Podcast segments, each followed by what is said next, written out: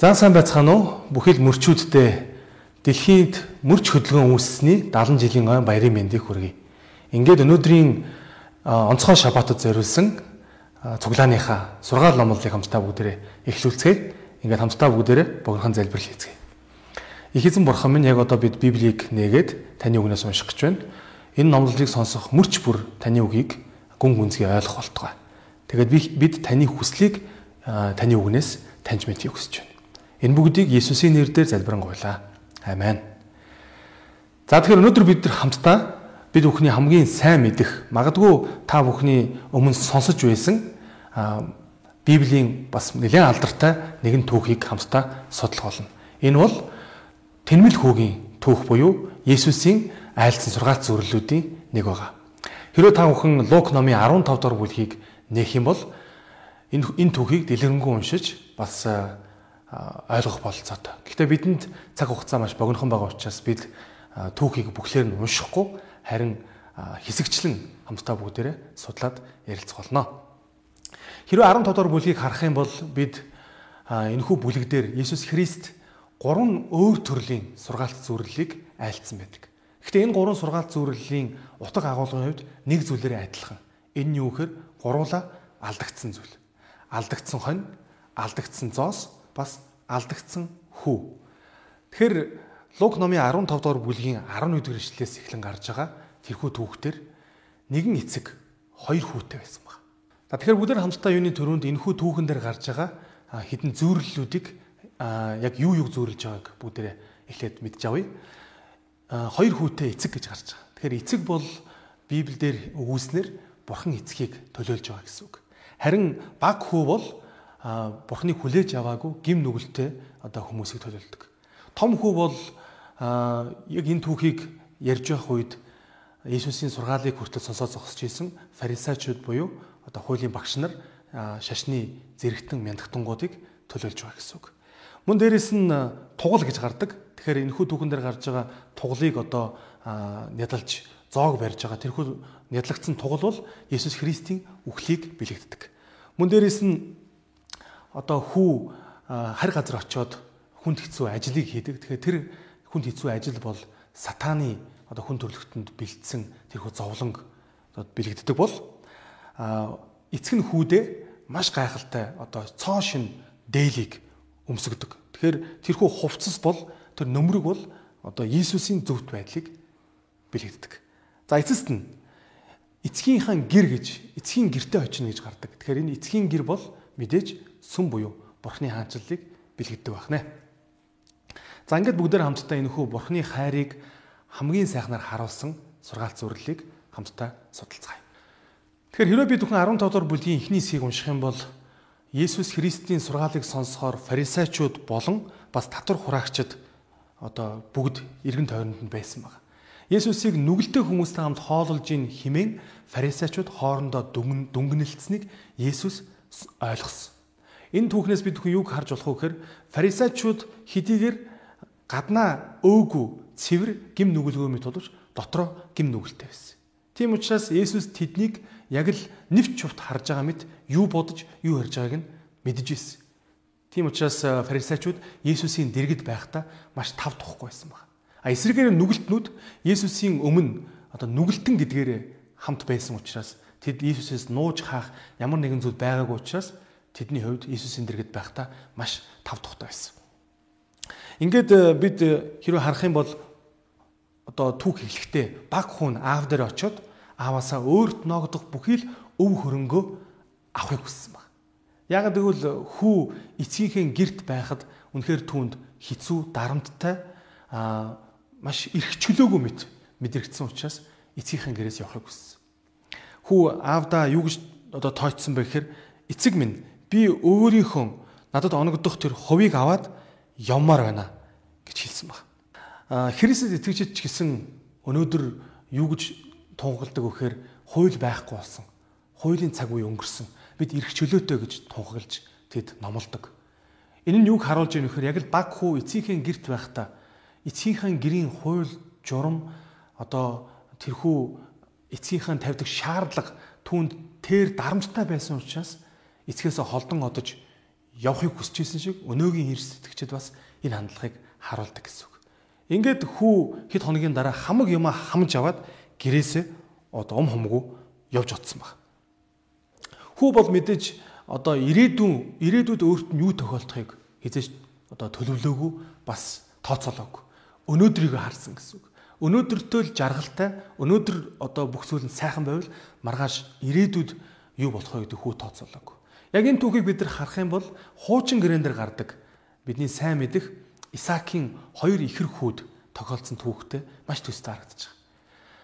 Ах нь болох Исав ихэд өссөн учраас өөрийнхөө ууган хүүгийн эрхийг дүүгтэйгээ хоолоор наймаалцдаг. Исав өнөөдөр өсөж байсан ходоодоо цатгахын тулд ирээдүйд өөрт нь ирэх тэрхүү ивэлээ дүүдээ зарсан гэсэн. Дүүтэйгээ наймаалцсан гэсэн. Магадгүй мөрчүүд та бүхэн ууган хүүгийн эрх гэж юу юм болоо гэж гайхаж байгаа бол мэдээж Бурхны амлсан Месая буюу аврагч Есүс өөрийнх нь үр удмаас төрөх тэрхүү гайхалтай тэнгэрлэг одоо үр удмын хэлхээ бол одоо ууган хүүгээр дамжиж одоо дамждаг байсан баг. Тэгэхээр Исав энэ баг хүү хоёр нэг талаараа төстөө. Тэд ирээдүйд юу болох гэдгийг тооцоолгүйгээр зөвхөн өнөөдрийнхөө жаргал, өнөөдрийнхөө хэрэгцээ, өнөөдрийнхөө таашаалыг хөөсөн гэсэн үг. Ингээд баг хүү яасан бэхэр аав дээрээ очиод надад өгөөч. Миний хувийг надад өгөөч гэд аваад явсан. Хэрэв бид хүн Лук номын 15-ын 12-ыг харах юм бол хүү эцгээсээ маш шаардангуугаар тэ эцэгтэйгээ одоо шууд харилцаж өөртөө ногдох бүх өв хөрөнгө аваад гэрээс явсан баг. Хүү алс холыг зорсон гэж Библиэлд гардаг. Яагаад одоо алс холыг зорсон гэж Иесус энд сургаал зөвлөлтөд хэлсэн юм бол магадгүй бид бүхэн энийг энгийнээр ойлгох юм бол хүү эцгээсээ аль болох холдохыг хичээсэн баг аль болох хол одоо уулзалтахгүй хол одоо царай барааг нь харахгүй хол л очиж ивэл болоо гэж бодсон. Энэ нь юу гэж юуг харуулсан мэхээр хүү эцэгтэй ямар нэгэн байдлаар одоо хүндэтгэлгүй хандсныг харуулж байгаа. Гэхдээ эцэг бол маш тооцоолоогүй гайхалтай хайр ивэлийн хариултыг харуулсан. Өвгүү үгүй, чамд өгөхгүй, чамайг явуулахгүй гэж хэлээгүй. Эцэг хүүдээ маш одоо эрх чөлөөтэйгээр гэрээ орхих тэрхүү сонголтыг эрхчлөөтэйгээр сонгох төр боломжийг өгсөн. Хүү тэр сонголтоо эдлээд одоо гэрээсээ явсан баг. За ингээд хүү алс холыг зөрөөд ямар ч шахалт, дарамт, дүрм, журам, хуйлгүй тий 100% эрхчлөөтэй дураараа наргиж сэнгэж болох тэр газар очиод ингээд библиэр хийснээр хамаг юма одоо үрэн таран хийж бүгдийг тий одоо үрж ингээд эцэстээ хоосорсон. Библиэр хэлэхдээ дур зоргоороо амьдрсан гэж хэлсэн баг. Дур зоргоороо амьдраад ингээд бүгдийг үрэн таран хийгээд бүгдийг одоо алдсан. Юу ч болсон. Ингээд яг тэр үед нь юу болсон бэхээр тэрхүү хүүгийн амьдарж байсан газар маш их сүрхий өлсгөлэн болоод тэр хүү төдийгөө тэр одоо нутгийн ард иргэд хүртэл өсгөлөнд нэрвэгдээд ингээд одоо гачигдаж дутагдахын эрхэнд орсон. Ингээд хүү явж уг нутагт нэлээд нэр хүндтэй бас мөнгөлөг нэг хүнийг бараадаад тэрхүү айлд ямар ажлыг хийхээр болсон мэхээр гахаа хариулдаг ажлыг хийхээр болсон баг. Хүүгийн одоо сонголт юу байсан мэхээр эрх чөлөөг хайж яваад тэгээд боол болсон. Өнөөдөр ч гэсэн хүмүүс сүмийг орхиж явдаг. Би эрх чөлөөтэй амьдрмаар байна. Сүмийн дүрм журам надад хэрэггүй. Аль болох эрх чөлөөтэй амьдрмаар гэж явдаг ч гэсэн эцэстээ одоо сүмээ орхисон хүмүүс, сүмээ орхисон залуучууд, сүмээ орхисон хүүхдүүд одоо ямар үр дүнд хүрдэг вэхээр гим нүглийн боол болдог. Гим нүгэлд одоо хизээд салахгүйгээр боолчлогддог гэсэн үг. Еврейчүүд э, буюу Израильчүүд одоо гахаа махыг идэх байтугай бүр хүрхэн хүртэл бузар нүгэлтэй гэж үздэг байсан бол хүү аргагүй эрхэнд үлсэж гачигдахын эрхэнд яасан бэхэр гахаа хариулах ажлыг хийсэн. Гахаа хариулна гэхээр одоо гахааны үсносыг цэвэрлэн, гахааны баасыг цэвэрлэн, ингээд гахааг хооллон, ингээд хамгийн л бузар муу мухай гэсэн ажлуудыг хийж гахааг хариулдаг болсон баг. Хамгийн их аимшигтай зүйл нь юу гардаг вэ? Хүү өлсөндөө гахааны идэж байгаа тэрхүү буурцахаар ходоодоо дүүргэхийг хүсэж гахаатай хоолнд нь барьцсан багт. Бүр ийм дор байдалд орсон гэсэн үг. Хүү одоо тэрхүү харь газар очиод цавуутай наалдж байгаа мэт тий одоо ингээд жонхуудаа наалдж байгаа мэт зууралдаж хутгалдаж салж чадахгүй болсон гэсэн байна. Хүүгийн амьдрал урууцаар урууцаар урууцаар сүулдэ бүр гахаан хоол иддэг. Гахаан хоолч олдохгүй тийм хэцүү байдалд орсонд энд харагдаж байна. Ингээд эргчлэг хайж явсан хүү боол болсон. Хүү эцгийнхээ гэрийг орхихдоо 10 хуулийн хид хідэн заалтыг ностоо зөрчсөн байдаг. Мэдээж бидний сайн мэдих эцэг ихээ хүндэл гэдэг энэ хүү заалтыг одоо энэ хүү тушаалыг хүү зөрчсөн. Эцгийг амьд байхад нь өөрийнхөө өв хөрөнгийг одоо авч явна гэдэг нь бол маш хүндэтгэлгүй зүйл. Эртний израильчуудын ёсоор бол одоо эцэг нь нас барахтаа үр хүүхдүүдэд өв хөрөнгөө өвлүүлж хувааж өгдөг байсан бол амьд дээр нь эцгээсээ өв хөрөнгө аваа явсан баг. Хүү эцэг эцгээ хүндлээгүй. Хоёрт нь мэдээж хүү алс газар очиод дур зогоор амьдраад хүү юу хийсэн бэхээр тэнд одоо завхаарч, шунахаарч хүсэл тачаалдаа автагдсан байдаг. Тэр хүү яг л бурхнаас буюу эцгээсээ асар алс хол очоод ингээд тэнд гацчихсан. Хаашаа явахаа мэдэхгүй. Дээшээ тэнгэр, доошоо газар хатуу болсон баг. Дээшээ тэнгэр бол. Ингээд Лук номын 17 15 дугаар бүлгийн 17 дугаар хэлснээр тийхүү тэр ухаар өгч хэлсэн баг. Тийхүү тэр ухаар. Хэрвээ энэ ишлэлийг бид бүхэн англи хэл дээрээс харах юм бол he came to came to himself гэж хэлсэн баг. Тэр өөрөө өөр дээрээ ирв буюу өөрөө өөрийгөө олж харав одоо өөрөө өөрийгөө олов гэж хэлж байгаа. Гэхдээ би чинь одоо явж явж хэрнээ хаана ирч вэ? Юу болж байна? Би хаана явж байна? Би ч өмнө хаана байлаа? Одоо би хаана ирч вэ гэд хүү болсон бүх процессыг ойлгоод тэгээд тэр дотроосоо хүү эцгээ сансан. Хүү эцгээ санаад тэгээд тэнд яасан бэхээр дурсамжаа сэргээгээд хүү гим нүгэлдээ гимссэн баг. Хүний мөн чанар бол гимшихийг хүсдэггүй. Хүн угаасаа гим нүгэлтэй учраас гимшихийг огт хүсдэггүй. Харин гимшил бол бурхнаас ирдэг. Гимшил бидний зүрх сэтгэлээс гардаггүй гэсэн үг. Хэрвээ бид бүхэн харах юм бол хүү эцгээ хараад эцгээ бодоод тэгээд өөрийнхөө хийсэн алдаагаа ойлгосон баг. Бүгд энэ хэсгийг хамтдаа уншъя. Тинхүү тэр ухаарна. Эцгийн минь хөлсөлсөн хүмүүсийн хичнээн ч талхаар элбэг дэлбэг байдаг билээ дээ. Гэтэл би энд үлсэж үхэх нь би босоод эцэг рүүгээ очие гэж шийдсэн баг. Хүү өөрийгөө олж хараад ингээд гимшээд эцэг рүү явах шийдсэн. Гимсэн гэдэг энэ санааг бид илүү хүчтэйгээр энэ хэсгээс яаж ойлгох вэ гэхээр хүү дотроо юу гэж шийдсэн бэхээр хүү эцэг дээр очоогүй байхдаа эцэгдээ очоод хэлэх үгээ бэлдсэн. Тэр нь юу байсан бэхээр аава би Тэнгэрийн эсрэг таны өмнө нүгэл үлджээ.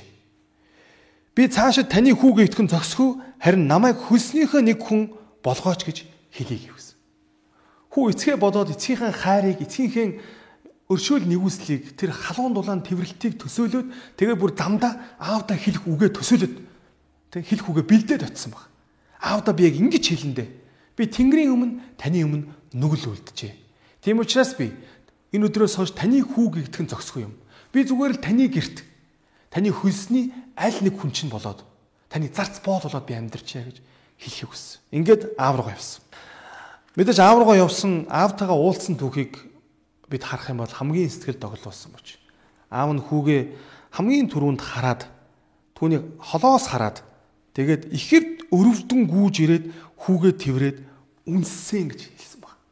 Мэдээж аав нь өдөр болгон хүүгээ ирэх болов гэд яг тэр явсан зүгт нь гэрээ орхиод тэр нэгэн өдөр тэр явсан зүг рүү өдөр болго хардаг гэсэн баг. Тэгээ нэг л өдөр хүүн хүрээд ирсэн. Аав нь хүүгээ ирж гэн гэдгийг хараад нүдэндээ ч итгээгүй тэгээд маш их баярлаад гүйж чад хүүгээ тэрж байсан. Мэдээж аав нь одоо үгүй чамаас юу үнэртэй байна? Ямар зав үнэртэй юм бэ гэж хэлээгүй. Эсвэл чи яах гэж ирэв? Ямар нүрээрээ ирэв? Чи юу гэж хэлээд явлаа гэж хэлээгүй. Аав нь юу ч хэлэлгүйгээр хүүгээ тэрврээд үнсэж баярлсан баг. Ингээд аав нь аавда хүү юу гэж хэлсэн мэх юу гэж хэлсэн мэхэр аваа нөгөө бэлдсэн үг хэлсэн. Аваа. Би Тэнгэрийн эсрэг таны өмнө нүгэл үлджээ. Би цаашид таны хүү гэгдэх нь зохисхүү гэвэ гэж хэлсэн. Харин энэ үед нь эцэг нь боолуудаа хандаж үг хэлсэн мэхэр хамгийн сайхан хувцас хурдан авчирч түүнийг хувцал гарт нь бөгж зүү хөлд нь гутал өмсөг тарган тугал авчирч гарга бүгдээрээ найрлаж цэнги. Учир нь энэ хүү маань үгсэн байсан юм гівч амилж тэр алдагдсан ч олдлоо гів. Тэд найрлан цэнгэж эхэлвэ гэсэн баг. Хэрвээ хүү эцгээ орхиод явхдаа гаргасан хандлагыг эрэгтэй эцэгтэйгээ харьцаж байгаа хандлагатай бид харьцуулах юм бол хүү явхдаа миний өв хөрөнгийг өг гэж явсан бол харин хүү эрэхтэй намайг тэ намайг хүлээж аваач намайг байгаар минь хүлээж аваач гэд маш одоо даруухан болоод ирсэн баг. Ингээд боолууд нь эцгийнхэн хэлсний дагуу хүүд зориулж тарган тугал нэдлаад ингээд хүүгийн өсгөлөнд өсөж байсан хотоодд нь зориулж сайхан хоол хийсэн. Оронд нь одоо өмхийрсэн үнэртэй ажлын муу муухай хувцсыг тайлаад оронд нь цоо шин хувцсыг хүүд өмсгсөн баг. Мөн дээрэс нь хүүгийн гутлыг сольсон. Хүүгийн эцгийнхэн гэрийг орхиод эрен буцаж ирэх хүртлээр тоос шороотой шавартай хутгалцсан тэрхүү хар бараан гим нүгэлтэй амьдралыг туулсан тэрхүү гутлыг солиод цоошин гутлыг өгсөн. Ингээ эцэст нь хүү одоо хүүд бүгж өгсөн баг. Мэдээж бүгж гэдэг бол хэдийгээр одоо үнэт эдэлж хийсэн тухайн үед бүгж гэдэг бол одоо эцгийн эрх мэдэл, эцгийн одоо тааллыг илэрхийлдэг байсан зүйл байна. Ингээд найраа хийж гисэн. Гэтэ бүгд нэг зүйлийг анзаарч анзаарах хэрэгтэй. Хүү эсэг дээр очих шийдвэр гаргаад явхдаа амандаа бэлдэж исэн үгийг бид анзаарах юм бол хүү би таны хүү байх нь зохисгүй юм аа. Би зүгээр таны герт таны боолуудын аль нэг нь болоод амьдрчаа гэж хэлий гэж одоо бэлдэж эцэг дээр очисон ч гэсэн тэр үгийг амнаасаа хэлэхээс өмнө эцэг нь түүнийг хүлээж авсан баг. Энэ бол Библийн хамгийн гайхалтай хэсэг. Энэ түүхийн хамгийн гайхалтай хэсэг. Эцэг нь хүүдээ тэр үгийг амнаасаа унгах боломжийг олгоогүй. Зүгээр л би таны өмнө Тэнгэрийн өмнө нүгэл үлджээ. Би энд байх зохисгүй гэж хилэнгууд л эцэг нь түүнийг хүлээж авсан. Тэгэхээр бидний Тэнгэрлэг эцэгч гэсэн өнөөдөр биднийг үргэлж хүлээж авахд ямагт цаг ямагт бэлэн байдаг. Ингээд найр болсон байна. Мөн дээрээс нь бас нэгэн зүйлийг бид бүхэн анзаарах юм бол хэрэв бид бүхэн Левит номын 9 дугаар бүлгийн 2 дугаар ишлэлийг унших юм бол тэр Ааронд хэлсэн нүглийн төлөөс тахилдаа зориулан согоггүй эрт тугал шатаал тахилд согггүй хуц аван тэдгэрийг эзний өмнө өргөхтөн гэж хэлсэн. Бурхан Левит номон дээр хандаж одоо Левит номонд хэлэхдээ нүглийн төлөөх тахилд согггүй эр туглыг өргөх ёстой гэж хэлсэн байна. Библиэлд одоо гардаг бүхий л өргөлүүд ан амьтад бол бүгдээр Есүс Христийг биелэгддэг. Тэгэхээр эндээс бид юу гэж харж юг харж байгаа нөхөр магадгүй эцэг нь хүүгээ эрэхт нь тугал гаргаж байгаа нь хүүгийнхээ хийсэн бүхий л гим нүглийг цайруулахын тулд тэнд тахил өргөснийг илэрхийлж байгаа. Хүүгийн бүх гим нүгэл уучлагдсан. Зөвхөн тахил өргөө зогсохгүй эцгийн ч гэсэн хүүгээ уучлсан гэдгийг үүгээрээ илэрхийлсэн гэсэн үг. Мэдээж найр эхлэх үед түүхийн бас нэгэн онцгой хэсэг болох том ах нь гэртээ ирж байгаа тэр хэсэг байдаг. Том ах нь гэртээ ирж байхдаа холоос тэнд одоо хөгжим дуграад хүмүүс найрлаад бүжиглэж цэнгэж байгааг хараад сонсоод энд юу болоод байна гэсэн янзтайгаар гэртээ ирсэн байдаг. Хүү бол мэдээж талбай дээр ажиллаад маш их ядарсан орой гэртээ ирж байгаа. Ингээд боолуудаасаа зарцнараасаа нэгийг дуудаад энд юу болгож байна гэж асуусан баг. Мэдээд зарцсан хэлсэн. Таны дүү ирсэн. Эсэг чинь түүнийг ирсэнд маш их баярлаад тарган тугал нийтлүүлээд бид нар найрлж байна гэж хэлсэн баг. Үүнийг сонссон ах нь гэртээ орлогоор маш их уурлаж ингээд аав нь хүүгээ ирснийг мэдээд гарч хүүтэйгээ уулзсан баг. Тэгэхээр энэ хэсгийг бид нар харах юм бол ууган хүү аавыгаа ааваа гэж дуудаагүй харин таа гэж дуудсан байдаг. Үүгээрээ мэдээж баг хүүгээс ялгаатай. Баг хүү гэртээ ирэхдээ ааваа гэж аавыгаа дуудсан бол ууган хүү таа гэж дуудсан. Мөн дээрэс нь өөрийнхөө дүүг те одоо миний дүү гэж дуудаагүй харин таны хүү гэж хэлсэн. Тэгээ бүгдээ яг энэ хэсгийг хамтдаа бүгдээ Библиэс уншия. Лук 15-ын 29 дэх ишлээс. Хүүн түнд хар олон жилийн турш би танд зарагдаж байна. Би хизээч таны тушаас нэг зөрчиж байгаагүй. Гэвч анд нөхөдтэйгөө баярлах үед минь та ганц ч ишиг надад өгч байгаагүй. Харин хөрөнгийг чинь янхнуудтай нийлж цөлмсөн энэ хүүгээ нь түүнд зориулж тарган тугал нэдэлдэг, нэдэлж байдаг гэхэд эцэг нь миний хүү чи үргэлж надтай хамт байсан Минийх гисэн бүхэн чинийх шүү дээ. Харин чиний энэ дүү үгсэн байсан гэтэл амьдрчээ. Алдагдсан боловч олдлоо. Иймээс бид баярлан цэнгэх ёстой гэв гэж хэлсэн. уган хүн аавдаа хандаж хэлэхдээ юу гэж хэлсэн мэхээр би таны тушаалыг бүгдийг нь биелүүлж таны үгнээс нэг ч гарч байгаагүй гэж хэлсэн баг. Яг энэ хэсгийг бид бүхэн харах юм бол Есүс тэр нэгэн одоо баян залуу хурж ирээд Есүсээс би бүхий л тушаалуудыг биелүүлдэг. Мөнхийн амийг авахын тулд би өөр юу хийх ёстой вэ гэж Есүсээс асуудаг. Тэрхүү баян залуугийн түүхтэй төстөө санагдаад байна. Баян залуу би бүх тушаалуудыг сахиж нэгэн ч зөрчөө өгч хэлсэн бол ууган хүүч хэлсэн би таны гэрийн бүх хууль дүрмийг нэг ч зөрчиж байгаагүй таны үгээр байсан гэж хэлсэн. Харамсалтай нь одоо баян залуу Иесусыг гунигтайгаар орхиод явсан байт. Ягаад гэвэл Иесус тэр хүнийг тэр хүнийг чи бүхий л өв хөрөнгөө ядуу хүмүүс тарааж өгөөд намайг даг гэж хэлсэн. Баян залуу хэдийгээр бурхны хуулийг хуульчирхад сахиж байсан ч гэсэн зүрх сэтгэл дотроо бурхнаас алдагдсан, бурхнаас аслагдсан байсан гэдэг нь харагдаж байгаа. Яг үүнтэй ижилхэн ууган хүү хэдийгээр эцгийнхэн герт байгаа мөртлөө эцгээсээ алдуурсан, эцгээсээ алдагдсан байсан гэсэн үг. Ингээд төгсгөлд нь хэрэв би энд бид энэ түүхийг харах юм бол Есүс энэ түүхийг дүгнээгүй бас дараа нь юу болсон талаар ямар нэгэн хэлэлцүүлэг хийгээгүй байдаг. Энэ юуг харуулж байгаа нөхөр энэ түүх өнөөдөр ч гэсэн үргэлжилж байгааг харуулж байгаа. Өнөөдөр ч гэсэн бидний эргэн тойронд эцэг мөн ууган хүү одоо баг хүүгийн харилцаа өдөр болгон явагдаж байдаг. Өнөөдөр ч гэсэн маш олон Христэд итгэгчид сүмд ирээд сүмийн сандал дээр сууж байгаа боловч тэд алдагдцсан. Тэд Бурхныг ойлгоогүй, Бурхныг таньж мдээгүй байдаг. А гэтэл өнөөдөр бас хэдийгээр гим нүгэл тунд алхаж байгаа ч гэсэн Бурханаас холдсон ч гэсэн эцэг дээрээ ирэх хүсэлтэй сая сая мянган мянган хүмүүс энэ дэлхий дээр байгаа гэдгийг бид мартаж болохгүй. Тэгэхээр мөрчүүд ээ. Энэ жил бид бүхэн хамтдаа мөрчийн үйлчлэлийн 70 жилийн ог тэмдэглэж байгаа. Бид энэ хоёр хүүгийн аль нь байх ёстой вэ? Бурхан аавыг эцгээ химэн дуудаж түүний өршөөл нэгүсэл багтан гимшсэн, чин сэтгэлээсээ гимссэн тэрхүү одоо баг хүү шиг байх уу? Эсвэл эцгийнхэн герт байгаа гэд байгаа боловч эцгийнхэн хайр өршөөл нэгүслийг хүртэж ойлгоогүй ухамсарлаагүй тэрхүү ууган хүшиг байх. Энэ талаар бүгд хамтдаа бодож үзээрэй. Төгсгөлд нь бүгдээрээ Библийн нэгэн ишлэлийг хамтдаа өдөр уншицгаая. Ичлэл номын 3 дугаар бүлгийн 17-оос 19 дугаар ишлэлийг хамтдаа уншина. Энд ингэж хэлсэн байна. Яагаад гэвэл чи би баян баядсан тул дутах зүйл юр байхгүй гэдэг. Чи өөрийнхөө хөөхөлөлтөө өрөвдмөр ядуу сохор нүцгэн байгааг мэдэхгүй байна. Баян болохын тулд галд цэвэршүүлсэн алт өөрийгөө хувцлахын тулд болон нүцгэн байдлыг чинь ичхүр ил болчихгүй тулд цагаан хувцс харахын тулд нүдэ тослох нүдний тосыг надаас худалдаж ав. Би чамд зөвлөе. Би хайрладаг хүмүүсээ зэмлдэг сахилгажуулдаг юм. Тиймээс зүтгэлтэй бай гимж гэж хэлсэн байна. Өнөөдөр ч гэсэн бурхан биднийг сануулгахдаа Лаудикийн чуулганд байгаа тэрхүү аюул бидэнд нүрэлж байх вэ гэдгийг үргэлж бодоосаа гэж хүсдэг.